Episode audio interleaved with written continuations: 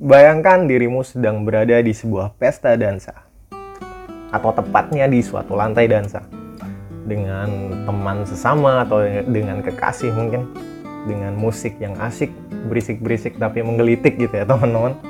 Nuansa yang mendukung teman-teman untuk segera lekas mengekspresikan diri itu uh, asik banget pokoknya. Hingga akhirnya musik mulai berdendang gitu ya, musik dilakukan, tubuh teman-teman pun mulai bergerak gitu sesuai irama. Ya, begitulah lumrahnya peristiwa yang terjadi di lantai dansa. Namun, pernahkah terbesit oleh teman-teman untuk sesekali coba naik ke atas balkon di pesta dansa itu? Melihat sekeliling lantai dansa dari atas? Tentu, dengan naik ke atas balkon, melihat lantai dansa, akan lebih banyak peristiwa yang bisa teman-teman temui. Misal, teman-teman nggak sengaja ngelihat ternyata ada teman kalian yang jago banget nari gitu. Atau nggak sengaja, tapi jangan sampai ya, mergokin kekasih atau pacar teman-teman yang ternyata bermain di belakang kalian. Atau ada teman kalian yang ternyata kurang suka gitu berada di suatu pesta sehingga milih untuk menyendiri di pojokan sana. Analogi itu merupakan contoh sederhana teman-teman bagaimana dalam hidup ada kebutuhan bagi kita untuk melihat sesuatu secara utuh gitu dengan gambaran yang lebih besar dan lebih luas. Termasuk terhadap peristiwa yang terjadi, isu yang berkembang, hingga masalah pribadi. Dengan mencoba naik ke atas balkon, kita mampu melihat segala sesuatu dengan lebih luas, objektif, dan harapannya berimbang gitu untuk mendapatkan solusi yang tepat sasaran pula. Pola berpikir inilah yang membuat seseorang bisa menjadi lebih baik, bisa menjadi lebih dewasa, dan bijaksana dalam kehidupan sehari-harinya. Dalam teorinya, Profesor Kegan, salah satu profesor psikologi dari Harvard University, mengembangkan pemikiran manusia dalam lima tahap. Tahap yang pertama adalah impulsive mind. Fase ini terjadi ketika kita masih bayi gitu, ya udah impulsif aja ketika pengen pup ya pengen pup pengen makan ya pengen merengek gitu atau eh, hal-hal uh, lain yang sifatnya sangat impulsif gitu. Karena itu primer kebutuhan-kebutuhan primer yang saat itu kita butuhkan. Fase yang kedua adalah instrumental mind ini ketika mungkin kita waktu SD SMP gitu ya. Nah jadi teman-teman kita udah punya needs interest desires gitu. Kita suka nih sama uh, apa K-pop. Ya udah kita minta dibeliin poster K-pop misalnya atau seperti apa gitu dan lain sebagainya. Terus yang ketiga, tahap yang ketiga adalah socialized mind. Nah, ini adalah fase di mana kita sudah berada di level dewasa dan berusaha nih untuk menempatkan diri kita sesuai dengan lingkungan sosial kita seperti apa gitu. Kita berusaha menyesuaikan diri dengan norma-norma sosial yang ada itu seperti apa. Meskipun tidak jarang, terkadang hal itu berbeda dengan prinsip yang kita pegang. Nah, kita masuk ke fase keempat yaitu self-authoring mind.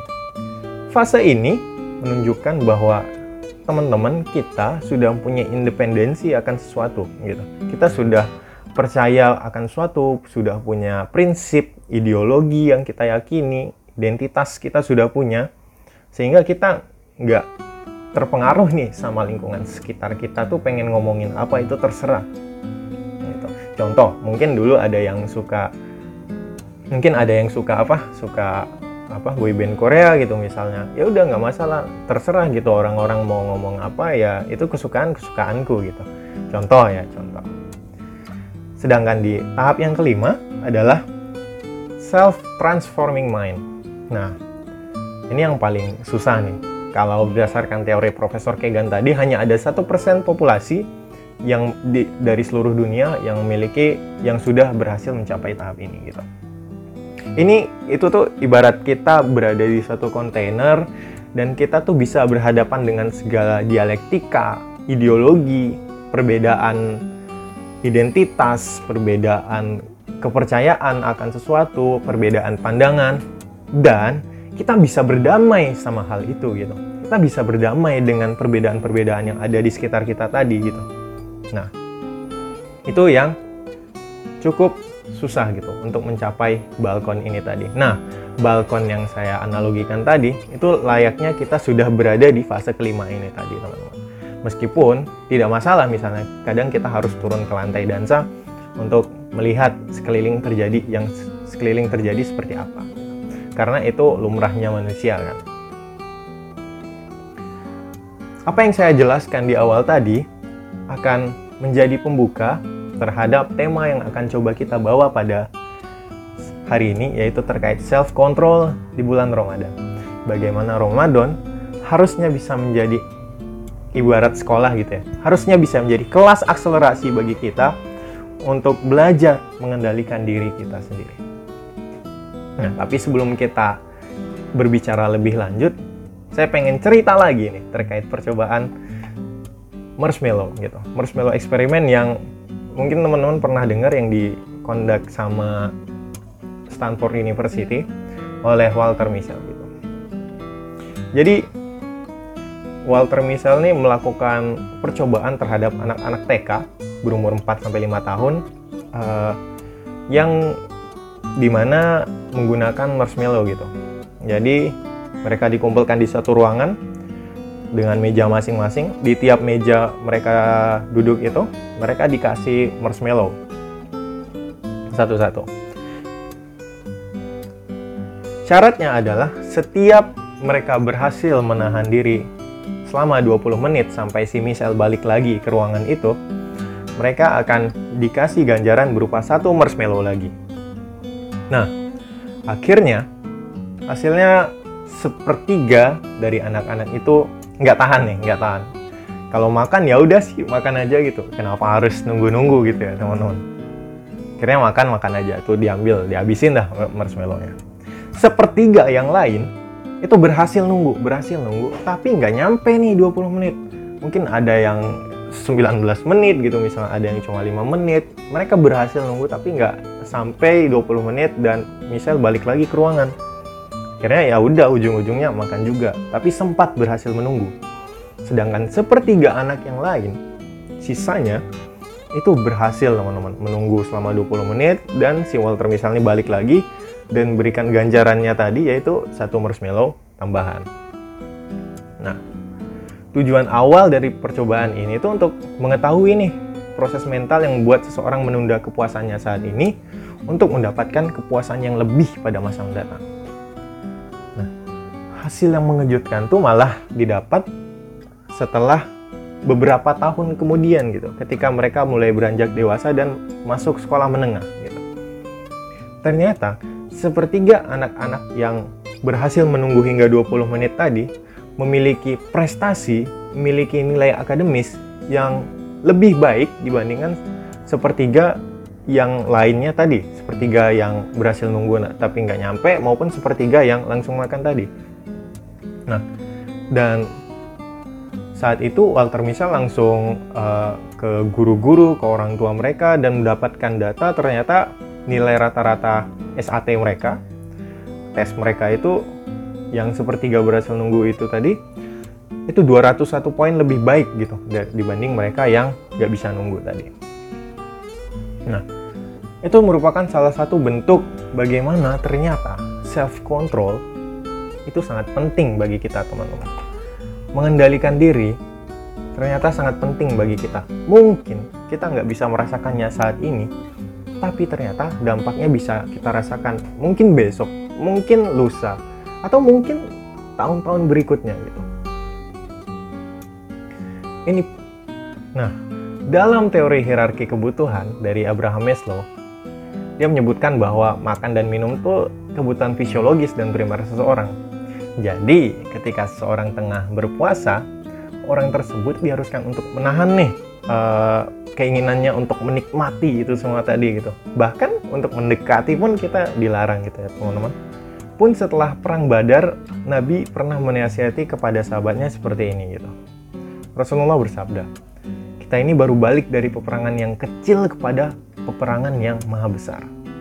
Para sahabat bertanya, Apakah peperangan yang maha besar itu? Ya Rasulullah. Nabi menjawab, yaitu perang melawan hawa nafsu. Pada dasarnya, puasa bukan hanya menahan lapar dan dahaga teman-teman, tapi juga hawa nafsu lainnya. Dan puasa ini ternyata berpengaruh positif terhadap psikologis kita, kayak gimana kita punya mengelola emosi, performansi kita, serta perilaku kita. Puasa juga menjadi sarana untuk melatih kesabaran, mengendalikan emosi negatif, melatih rasa empati, serta mengurangi sifat sombong dalam diri seseorang. Karena sering kali, sering kali nggak sih, kita tuh uh, berlebihan ketika makan dan minum gitu. Sehingga muncul nih, muncul perilaku egois atau mementingkan diri sendiri. Nah, untuk itu puasa nih menjadi salah satu cara untuk mengendalikan diri dan sangat-sangat baik tools yang sangat baik yang bisa kita maksimalkan di periode-periode sekarang. Saat puasa kita diminta untuk tetap uh, tidak makan, sementara mungkin ada teman-teman kita yang berbeda keyakinan tetap melaksanakan aktivitasnya seperti biasa, makan di sebelah kita. Di saat itu kita diminta untuk mengelola empati dan mengelola simpati serta rasa respek kita terhadap agama-agama dan kepercayaan lain. Seperti yang saya jelaskan di awal, ketika kita sudah punya kepercayaan dan kita bisa berdamai dengan kepercayaan yang kita miliki itu tadi. Self control harusnya bukan hanya kita laksanakan selama kita Ramadan dan selama kita berpuasa saja, teman-teman. Tapi seperti yang saya katakan tadi, Ramadan adalah kelas akselerasi bagi kita untuk apa? Untuk kita menghadapi kelas-kelas reguler di bulan-bulan lainnya. Yang harapannya kita bisa terus nih istiqomah dengan apa yang sudah kita pelajari dan kita ambil maknanya selama Ramadan tadi. Self control ini juga akan membuat kita orang-orang yang beriman memakai akal dan jiwa kita untuk mempertegas batasan mana nih yang hak, mana nih yang batil dalam tatanan sosial pada sama manusia, baik pada semesta lingkungan pun pada Tuhan itu sendiri self control akan bantu kita untuk mengendalikan hati dari nafsu-nafsunya karena hati menurut Al-Qur'an adalah al-qalbu bisa dibolak-balikkan gitu teman-teman. Hati ini yang menentukan sikap dan tindakan kita termasuk menentukan kesehatan kita. Dan hati yang bersih adalah tempat iman dan hidayah dari Tuhan bermukim. Puasa barangkali mengajarkan kita mengontrol diri dengan menjernihkan atau melebih jernihkan hati bagi orang-orang yang beriman karena untuk naik kelas kita perlu teman-teman untuk dikasih ujian. Nah, maka Ramadan adalah momentum yang tepat bagi kita untuk melatih mengontrol diri sembari menikmati ujian-ujian yang sedang diberikan oleh Tuhan kepada kita untuk bisa naik kelas ke jenjang yang lebih tinggi dengan tingkat keimanan yang terus berusaha kita tingkatkan.